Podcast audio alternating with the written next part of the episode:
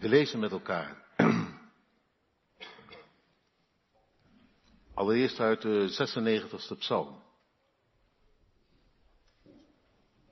Het gaat in de psalmen heel geregeld over, over God die opstaat en recht doet. En dat heeft Israël beleden, moet je voorstellen, als een volkje onder de volkeren. En toch, onze God, de levende, alle andere goden zo dood als een pier, zeggen geen stom woord, laat staan dat ze laatste oordeel zouden kunnen vellen. Onze God, de levende. Het laatste woord zal aan hem zijn, aan hem die ook het eerste woord had. En dat gaf Israël hoop, terwijl het heel vaak onder de voet werd gelopen. Hoop op God. En daar wordt van gezongen, ook in de 96e psalm. Een loflied op de komst van de Here staat erboven. En ik lees een paar woorden eruit vanaf het negende vers. Buig u neer voor de Heere in zijn heerlijke heiligdom en beef voor zijn aangezicht, heel de aarde. Zeg onder de heidevolken, de Heere regeert. Ja, vast staat de wereld, ze zal niet wankelen. Hij zal over de volken op billijke wijze recht spreken. Laat de hemel zich verblijden en de aarde zich verheugen. Laat de zee bulderen met al wat ze bevat. Laat het veld van vreugde opspringen met al wat erin is. Dan zullen alle bomen van het woud vrolijk zingen voor het aangezicht van de Heere, want Hij komt, want Hij komt om de aarde te oordelen. Hij zal de wereld oordelen in gerechtigheid en de volken met zijn waarheid. Een lofzang dus op het komende gericht en en denk eens even in. Stel je toch voor dat het daar nooit van zou komen. Dan waren we voor goed aan de ellende uitgeleverd. Aan dat wat wij ervan maken met elkaar. Daarom een lofzang, want Hij komt. Hij komt. En er komt een laatste woord. En dat is um, iets om van te zingen. Door de huiver heen. Vandaar dat het, uh, we daar ook daarvan horen in openbaringen, het negentiende, het negentiende hoofdstuk. Openbaringen, want daar krijgt Johannes een visioen. En in dat visioen, daar is het al bezig te gebeuren, of daar is het eigenlijk al gebeurd. En moet je kijken hoe de lof wordt bezongen hoofdstuk 19 vanaf vers 1. En hierna hoorde ik een luide stem van een grote, van een grote menigte in de hemel. En dat kun je, bij die grote menigte kun je, kun je gerust denken aan die scharen, die ontelbare scharen uit alle volken, talen, geslachten, natie, waar het in openbaringen 7 over ging. En daarbij de engelen, heel de hemel, alle verlosten. Een luide stem, één grote jubel en één, één loflied. Halleluja!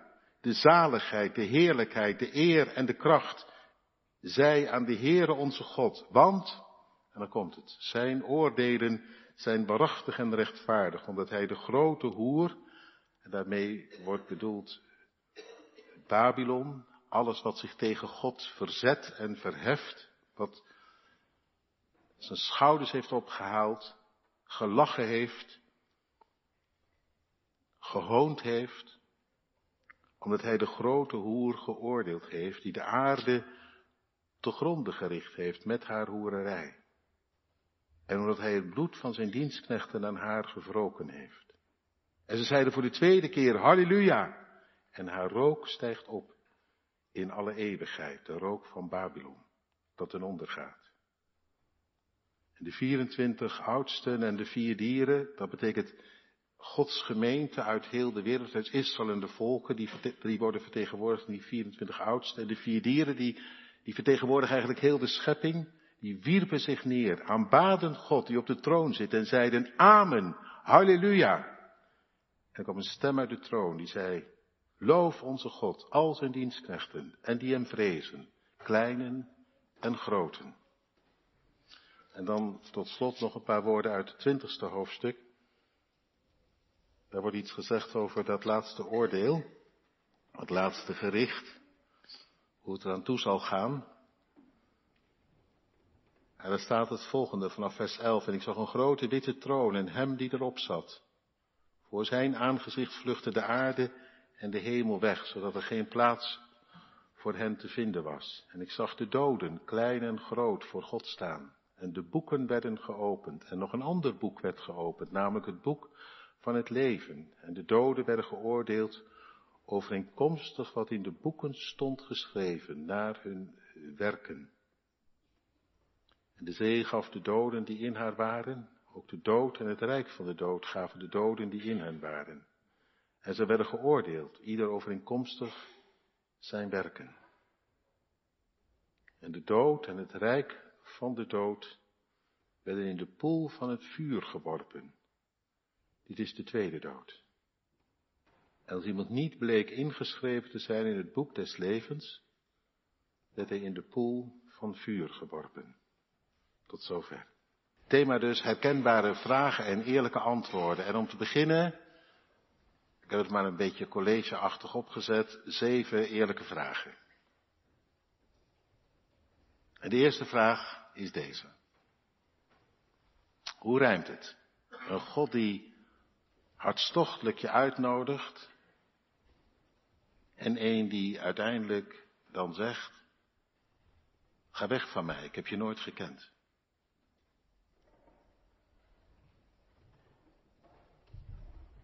Dat het zo kan omslaan. Hoe is dat te rijmen met elkaar? Eén die hart voor je heeft en die je laat weten dat zijn hart naar je uitgaat en één die de deur voor je sluit. En hoe je ook roept en klopt, niet open doet.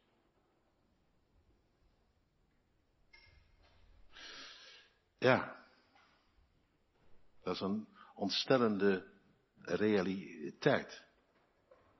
Die niet ik hier sta te bedenken, maar waar Jezus het over heeft. Open en eerlijk. Dat dat kan. En, en dat heeft te maken, want zo ongerijmd is het ook weer niet, met een weigering. Een nodiging, ja, die kan worden aangenomen of die kan van de hand worden gewezen. Toch?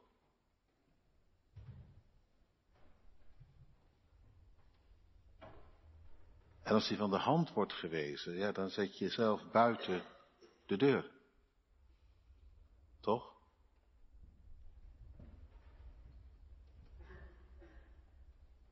Misschien zit het ongerijmde niet zozeer in God, maar het ongerijmde in ons. Dat wij een leven lang aan die deur voorbij gaan en dan, als het te laat is, alsnog binnen willen gaan.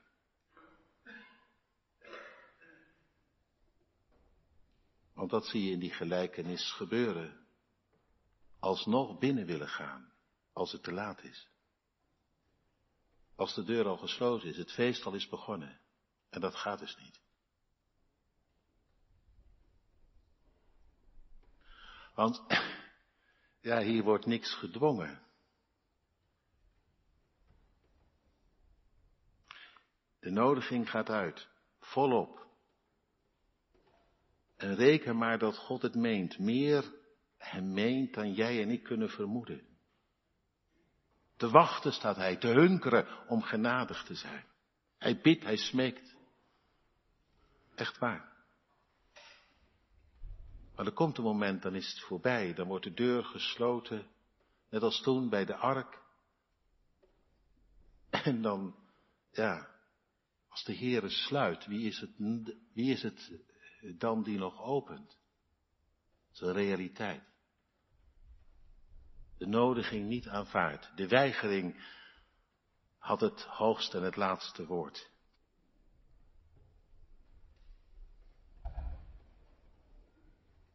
Ik heb je nooit gekend. Wat betekent dat? Dat hij niet van je wist. Natuurlijk wist hij van jou. Maar gekend is in de Bijbel in liefde omhelst. Dat is het oorspronkelijke. Dat heb ik nooit kunnen doen. Ik heb je nooit kunnen onthalen. Ik heb je nooit in liefde kunnen omhelzen. Het is nooit tussen jou en mij één geworden. Verzoend. Vandaar. nooit kind aan huis geworden. En daarom, ja, niet thuiskomen. Uiteindelijk. Wie zich niet gewonnen gaf, Jezus zei het, je kunt het nalezen in Johannes 3. Die wordt het, die haalt het zelf over zich heen. Wie niet gelooft, wie niet zich aan zijn liefde verliest, op die blijft de toren.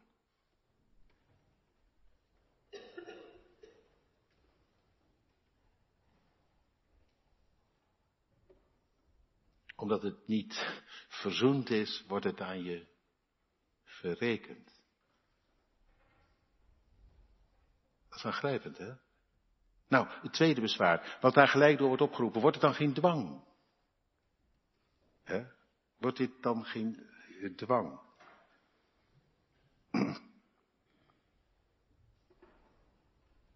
Nou nee, toch niet.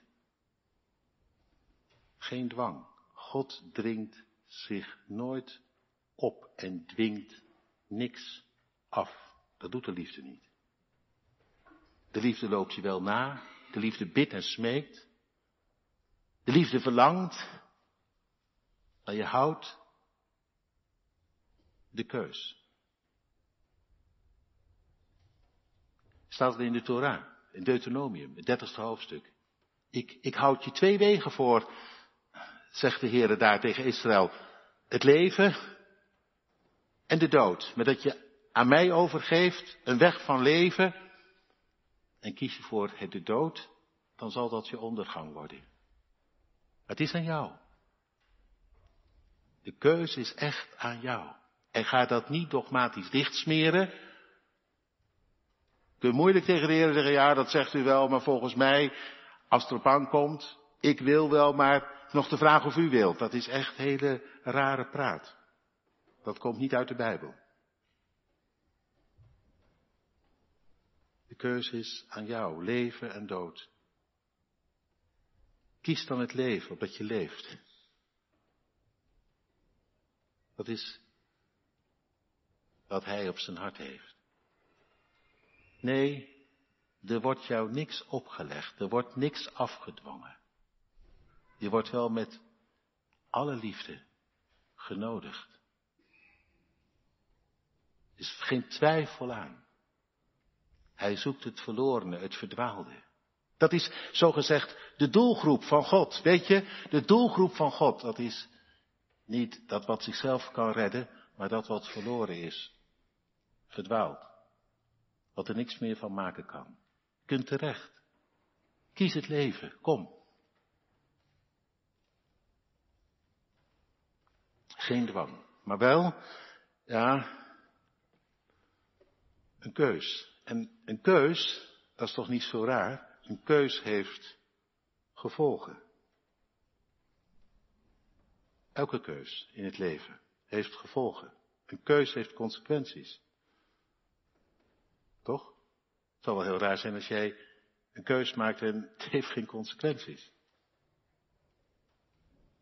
Dus dat geldt ook hier. En je kunt het wenden en keren zoals je wilt, maar wij zijn gewone mensen. En als mens schepsel en God scheppen, daar kun jij nooit uit weglopen. Tuurlijk, mensen ontkennen dat. Maar dat blijft de werkelijkheid. Jij en ik, schepsel, hij, scheppen. Dat is een werkelijkheid waar je niet uit weg kunt. En in die werkelijkheid, ja, je hebt gekozen. Zonder God, zonder hoop, wij, wij met z'n allen. En God die koos alsnog voor ons, toch? In Jezus helemaal. Hij gaf het niet op. Hij gaf ons er niet aan. Hij ging er zelf aan onderdoor. Volkomen verzoening voor al onze zonden eh, schreef Johannes. En niet alleen voor de onze, maar voor de hele wereld. God was in Christus de wereld met zichzelf aan het verzoenen. Wat hem betreft is er ruimte voor iedereen. Hij koos Onvoorwaardelijk. En nu? Ja. Een keus, opnieuw de keus. We zijn geen slachtoffer. Wij worden verantwoordelijk gehouden. Kies u heden wie u dienen zult. Deze die voor jou ging. Verzoening deed voordat jij er om uh, kwam.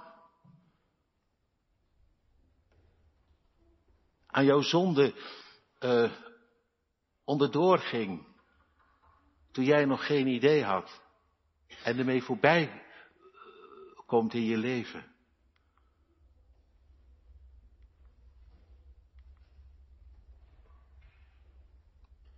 Dat er geen boodschap aan heeft. Laat hij niet verbaasd zijn dat dat consequenties heeft.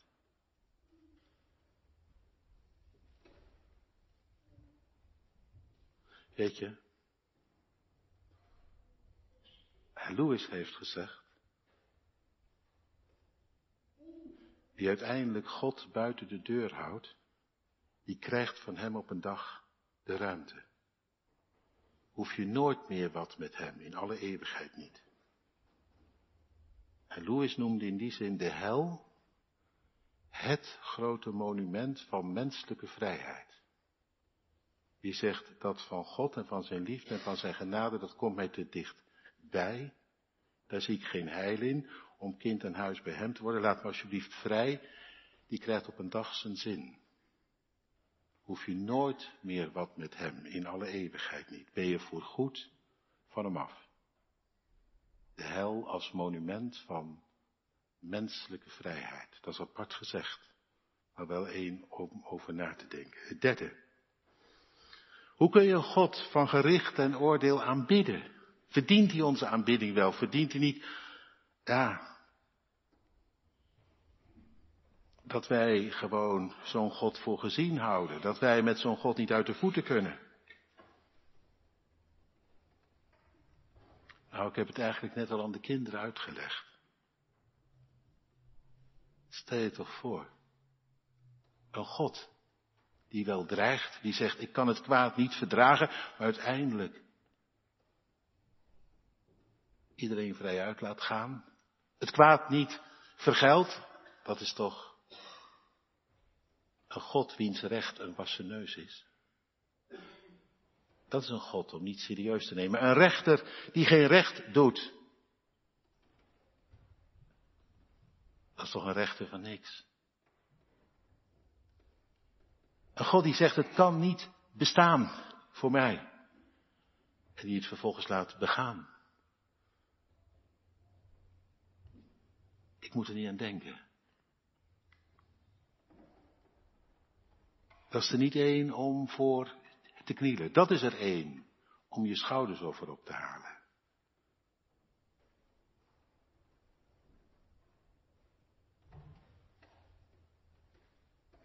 En het zit ook in Gods naam, hè? Hij, hij heeft die naam, die bekende naam, die hij uitspreekt voor hem Mozes, ik ben die ik ben. God, barmhartig, genadig, geduldig, groot van goedheid en trouw, die zonde, overtreding en ongerechtigheid vergeeft wat hem betreft. Kun je terecht. Maar er staat aan het eind van de naam, het is het laatste wat God wil. Maar het wordt niet geschrapt, die de schuldige niet onschuldig houdt. Je wordt ter verantwoording geroepen, je wordt serieus genomen, jij als mens, met jouw keus. Je telt echt mee in wat je doet en wat je niet doet. Deze God, deze verdient ontzag, aanbidding ja, omdat hij woord houdt. Doet zoals hij heeft gezegd, doet overeenkomstig het recht. Ik moet er niet aan denken. Een God die met zijn eigen recht een loopje neemt. Jij wel?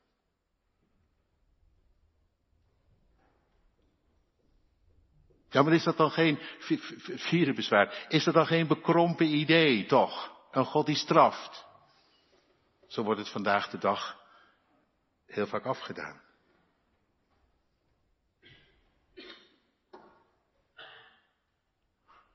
bekrompen idee? Ik geef je een voorbeeld. Misschien helpt dat. Stel je voor. Je kent hem, Hitler. Miljoenen doden op zijn geweten. Stel je voor dat hij zijn straf ontlopen kan door er zelf een te maken. Dat heeft hij gedaan, hè, op het laatst. Toen hij geen uitweg meer zag. Toen hij zag dat het een verloren zaak was. Daar heeft hij er zelf een end gemaakt. Stel je voor dat je van het onrecht af bent, je straf kunt ontlopen door er gewoon zelf een end aan te maken. Dat zou makkelijk wezen. Toch? Dan struikelt echt het recht op de straten. Dan wordt het wel heel, heel apart in deze wereld. Dan kunnen, dan kunnen kwaaddoeners, tirannen en geweldenaars en vul ze maar in en vul ze maar aan. Die kunnen gewoon hun gang gaan en uiteindelijk komen ze ermee weg. Gewoon een pil. Of je schiet je door het hoofd. Nou ja, of je blaast je laatste adem uit en dan is het ook voorbij. Zoiets. Kan toch niet? Kan toch niet? Straf is geen bekrompen idee. Nee. Integendeel. Ik, ik denk aan die gelijkenis. Die gelijkenis van, van, van die weduwe. Die, die komt om haar recht. Ze wordt onder de voet gelopen. En ze komt bij die rechter. En die rechter verschaft haar geen recht. En het kwaad kan maar doorgaan in haar leven. En geen rechter die voor haar opstaat. En op een gegeven moment dan is het, dan is het bijna niet meer te houden. Ze zou, ze zou die man willen aanvliegen. En die, die rechter voelt dat ook aan. En uiteindelijk, ja, dan, dan geeft hij haar toch haar recht. En, en wordt het kwaad een halt toegeroepen. En dan zegt Jezus, zo God, zo ook God. Het is al moeilijk genoeg hoor, dat hij niet eerder opstaat. Het is al, al moeilijk genoeg soms dat hij niet eerder vergeldt. Het is al moeilijk genoeg dat hij niet eerder dat ontstellende onrecht van een Hitler en van een Stalin en van zoveel anderen, dat hij daar niet eerder tegen optreedt, maar weet één ding, al laat hij op zich wachten. Hij zal opstaan.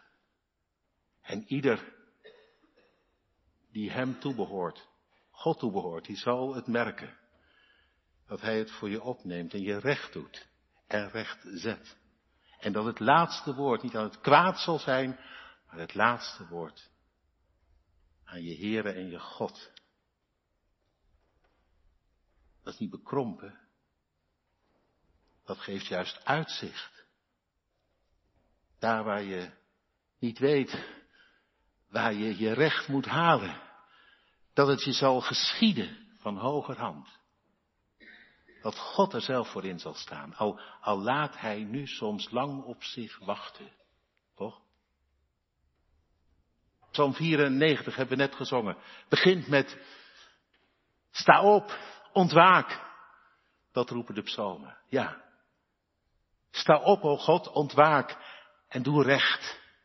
En laat het voorbij zijn met het kwaad. Dat is niet bekrompen, dat, dat, dat, dat, dat is het enige perspectief in deze wereld die gebukt gaat onder, onder van alles en nog wat. Dat Hij uiteindelijk het er niet bij laat zitten.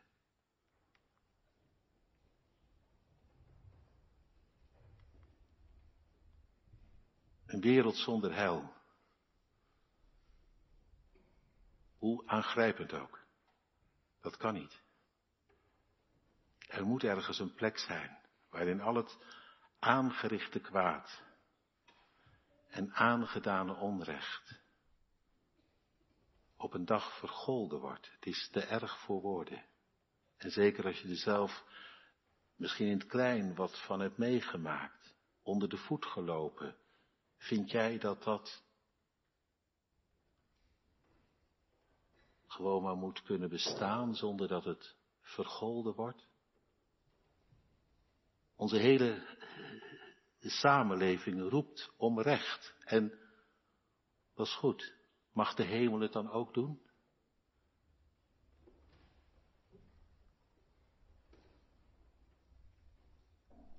We lazen in openbaring het negentiende hoofdstuk. De lofzang die doorklinkt. De lofzang die uh, wordt, wordt, wordt uh, uitgejubeld.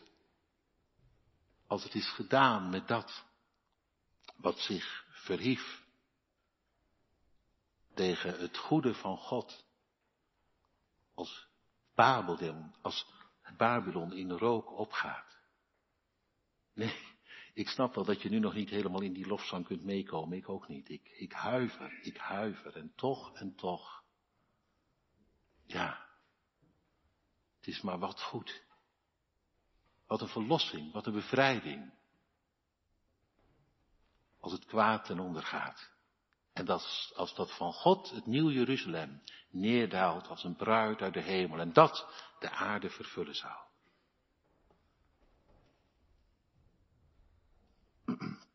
Uw vijfde bezwaar. Gaan mensen dan niet uit angst geloven, behalve dat ze zich gedwongen voelen uit angst? Nou ja, dat kan. Angst is denk ik alleen niet helemaal het goede woord. Ik denk dat je voor angst zou moeten lezen ontzag. Want ja, ontzag kun je wel hebben voor deze God. Kijk, voor God voor wie je geen ontzag hebt, omdat hij uiteindelijk toch wel hoog van de toren blaast, maar als het erop aankomt, het niemand aanrekent wat hij wel of niet, wat hij er wel of niet van maakt. Daar hoef je geen ontzag voor te hebben. Dan haal je schouders over op. Dan denk je, nou, dat zien we dan wel. Maar een God die erop uit is om jou de hand te reiken, te trekken in zijn licht. En die zegt, het maakt alles uit. Of je, of je leeft van het goede van mijn hart, of dat je, of dat je leeft voor eigen rekening. Dat is er wel één om ontzag voor te krijgen, of niet? En angst is niet altijd verkeerd. Als een, kind heeft gehoord dat als die zomaar de straat op rent, dat hij kan verongelukken en een kind daar een beetje uh, uh, bang voor is en daarom oplet, dat is niet gelijk al, altijd verkeerd. Zij zijn er een beetje benauwd van geworden. Het moet niet uit angst, moet niet uit angst. Nee, dat snap ik ook wel. Dat moet het ook niet. Maar snap je het een beetje? Ontzag niet verkeerd hoor. Er is wel reden voor. Voor deze God te buigen, te bidden. Ik denk aan die jongen uit dat verhaal, dat bekende verhaal. Lucas 15, je kent het wel. Alles er doorheen gejaagd en daar zat hij, helemaal aan de grond, in zijn eigen shit. Te verhongeren. Nog even en hij zou het, zijn keus met de dood moeten bekopen. Nou, dan vliegt het je wel even aan. Was dat, was dat verkeerd? Was dat raar? Tuurlijk niet. Dat het hem aanvloog. Naar de keel vloog. Dat is helemaal niet raar. Het zou raar geweest als het hem toen ook nog niks gedaan had. Dat zou raar geweest zijn. Toch? En dan middenin die angst. Ineens de gedachte aan zijn vader ontzag voor zijn vader. Ja, ontzag. Vader, ik heb gezondigd. Hoe moet ik u onder ogen komen? Maar toch tegelijk ook hoop. In ontzag zit ook iets van dat je naar hem opziet. Die jongen die dacht, de enige bij wie ik het terecht kan is, is mijn vader. Hij kreeg ineens zoveel ontzag voor zijn vader dat hij opstond en ging. Ga ik nu verder niet meer al te diep op in, maar, maar het maakt natuurlijk wel alles uit. Blijf je zitten waar je zit.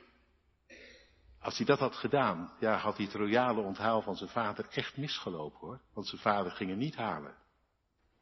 Zijn vader stond hem wel op te wachten.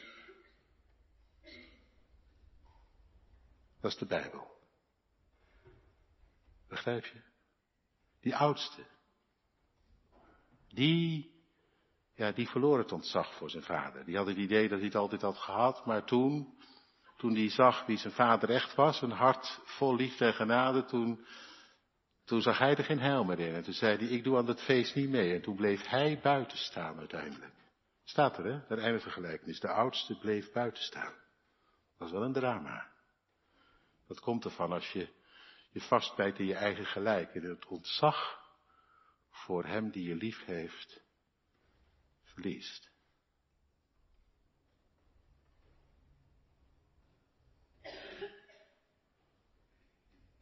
Nog een, een bezwaar. Als het over de hel gaat, maakt, het, maakt dat het getuigen van het evangelie niet heel ingewikkeld? Nou ja, dat kan. Dat mensen, en dat zul jij misschien ook wel eens hebben gemerkt, dat ze dan gelijk tegen je zeggen, dus, dus als ik niet geloof, ga ik naar de hel. Ja, wat moet je dan zeggen? Hè? Als je zegt ja, dan zeggen ze nou joh, zoek het uit met dat bekrompen geloof van jou. Dus dat schiet niet op. Zeg je, oh nee hoor. Dan zegt ze, hoezo moet ik dan geloven? Als het toch niet uitmaakt. Dus ja, dat is wel even ingewikkeld, dat vind je niet?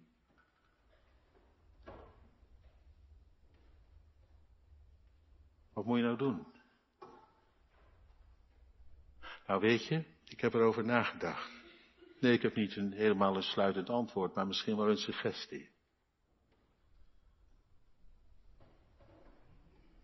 Als iemand zoiets zegt tegen mij, dan zeg ik, joh, ik ben geen God, daar ga ik niet over. Weet je, ik zou het anders willen zeggen. Misschien ga je daar zelf wel over. Wil jij het hebben van het goede van God of kan het je gestolen worden? De keuze is aan jou. Het is helemaal niet aan mij om over jou een oordeel te vellen. Oordeel zelf maar. Zoiets.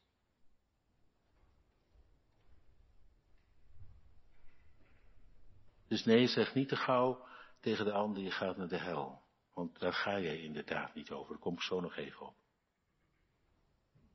Maar oordeel zelf wat je wil thuiskomen bij hem, of net zo lief niet. Zeg het maar. Een laatste bezwaar. Dat kreeg ik als reactie op de preek van de vorige keer. Iemand die had goed geluisterd, die zei, ja dominee, ik vond het verschrikkelijk waar u het allemaal over had. En volgens mij klopt het ook helemaal niet, want waar Jezus het over heeft is gewoon over de Gehenna. En de Gehenna was het, dal van Hinnom. Daar verwees Jezus naar toen hij sprak over de hel, over het onuitbluselijke vuur. Dat was een vuilstortplaats buiten Jeruzalem. En dat het vuilstortplaats was geworden, dat kwam omdat uh, daar ooit het ultieme kwaad was bedreven. Daar hadden koningen van Israël kinderoffers gebracht. Kinderen door het, in het vuur gegooid en zo aan de afgoden geofferd. Natuurlijk het meest, ja, verschrikkelijke wat je kunt bedenken, kwaadaardige. Dus ja, u hebt het over een hel en zo, maar dat valt, het gaat gewoon over dat Hinnomdal. Toen dacht ik, ja, dat heb ik ook eerlijk geantwoord, dus ik kan het hier ook zeggen. Dat kun je wel zeggen, dat de hel gaat over het Hinnomdal, maar alle woorden over de hel zijn in beelden gezegd, hè? dat snap je wel. Ook die poel van vuur, dat is iets van het onverdraaglijke, het ondraaglijke. Allemaal beelden. Maar dan juist dat beeld van het Hinnomdal is wel een heel aangrijpend beeld. Dat relativeert de hel niet, in tegendeel, dat zet het op scherp. Het Hinnomdal, het Gehenna, de plek van het ultieme kwaad. Als Jezus zegt, als je niet komt in mijn licht en leeft van mijn liefde, zal dat je einde zijn. Kom je daar terecht, op de plek van het ultieme kwaad. Bedunkt, dat is geen relativering, lijkt mij. Dat is om te huiveren, je hart vast te houden. Zeven bezwaren. En nu nog het, tot slot. Naar deze hopelijk eerlijke antwoorden. Tot slot. De hamvraag. De achtste vraag. Wie wordt er nu behouden? Wie gaat er nu verloren? Nou, daar wordt in de Bijbel wel een paar dingen over gezegd.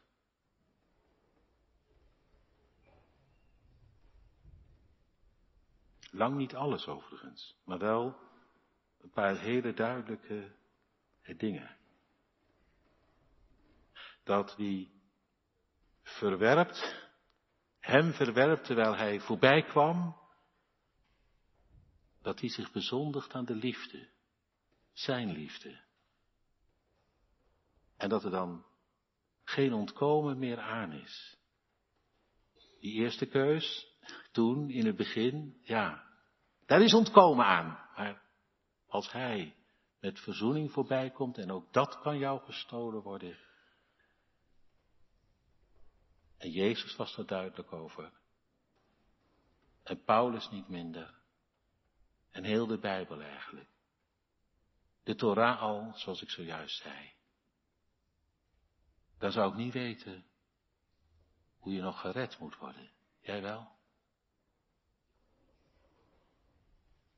En Louis die zei het zo, en die zei het heel eerlijk. Er zijn twee soorten mensen.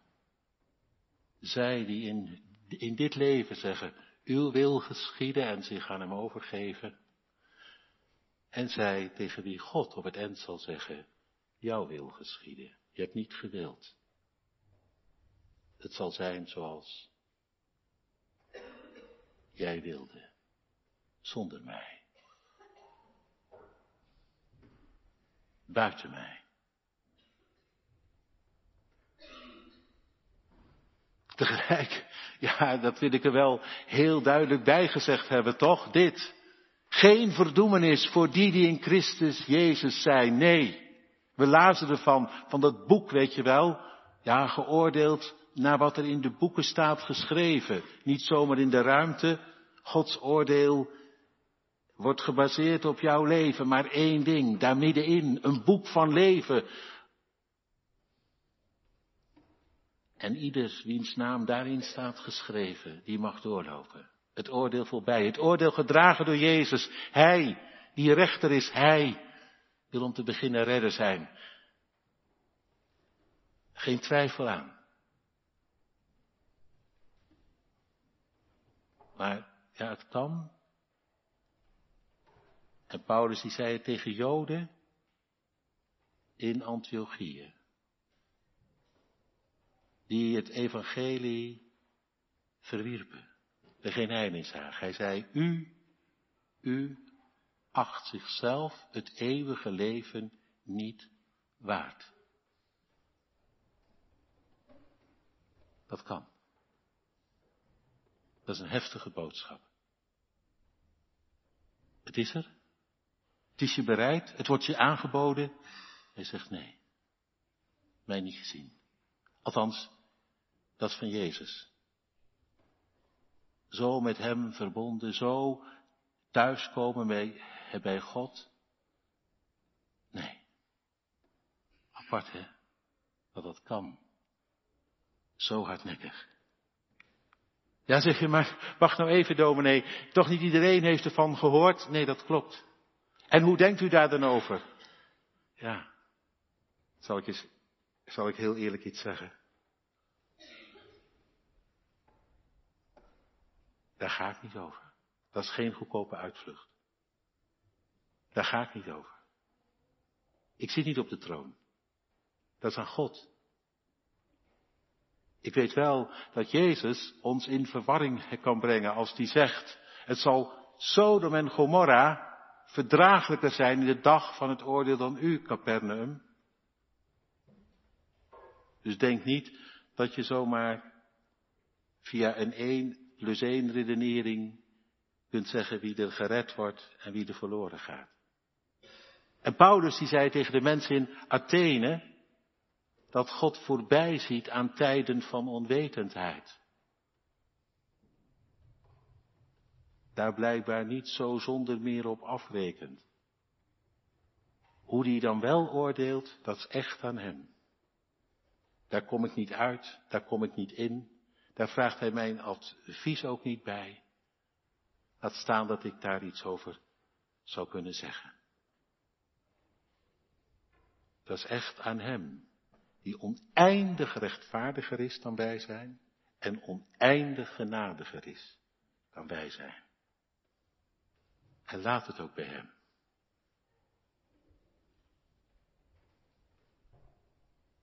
Intussen, ja, nog wel één ding. Dat is wel een belangrijke. Daar hebben we het in de kerk niet zoveel over. Maar die doet er wel toe. Weet je dat de Bijbel heel duidelijk erover is? Dat wie hier uh, onder de voet is gelopen, onrecht heeft geleden, al soms verhongerde vanaf de moederschoot, dat dat de ellendigen zijn voor wie God het vroeg of laat opneemt. En dat iedereen die stond aan de andere kant van de lijn en over de rug van die verdrukten heen zichzelf verrijkte, dat die beducht mag wezen voor gericht dat komt. Psalm 146 zegt het heel radicaal. De Heere doet recht aan de onderdrukte, aan de verschopte, aan die hier geen deel van leven had. En hij keert de weg van goddelozen, die met God nog gebod rekening hielden en zich alleen maar aan het verrijken waren, hij keert die weg om. En de gelijkenis van de rijke man en die arme, arme Lazarus is er een sprekend voorbeeld van. Abraham zegt niet, ja meneer, u hebt niet geloofd. Abraham zegt, u hebt uw deel gehad. En u hebt, die man die zat aan uw, uw poort gewoon laten verkommeren. En deze, Lazarus, zijn naam is God ontfermt zich. Die krijgt nu genadig wat God hem toebedeelt. Hem wordt recht gedaan. Het is een kloof. Dat is wel een. Dat is er wel een om te bedenken. Het oordeel is niet in onze handen, het oordeel blijft aan God. En het zal nog net even anders zijn dan dat u en ik kunnen vermoeden. Mensen zullen ontgoocheld staan die dachten, we zijn binnen, omdat ze riepen, Heere, Heere, maar de wil van hun Vader in de hemel niet hebben gedaan. En mensen zullen verrast worden. Die hier zich verlaten hebben gevoeld door God en mensen en dan en daar recht zal worden gedaan als nooit tevoren. Maria zong ervan. Nederigen verhoogt hij. Hooghartigen stoot hij van de tronen. Hoe die dat doet, laat dat maar met een gerust hart aan hem. En nu de laatste vraag. Als iemand zegt, zijn het er nou veel dominee of zijn het er nu heel weinig die zalig worden? Dan zeg ik maar één ding, hetzelfde als wat Jezus zei. Strijd jij om in te gaan. En zorg maar dat het tussen God en jouw hart en in jouw leven recht zit. Verzoend met Hem. Dat je verzoend met Hem leeft voor Zijn aangezicht. Dan kan ik je één ding beloven. Dan staat Hij in voor Zijn woord, Zijn belofte. Dat je thuis komt, omdat je hier al bij Hem thuis was. Amen.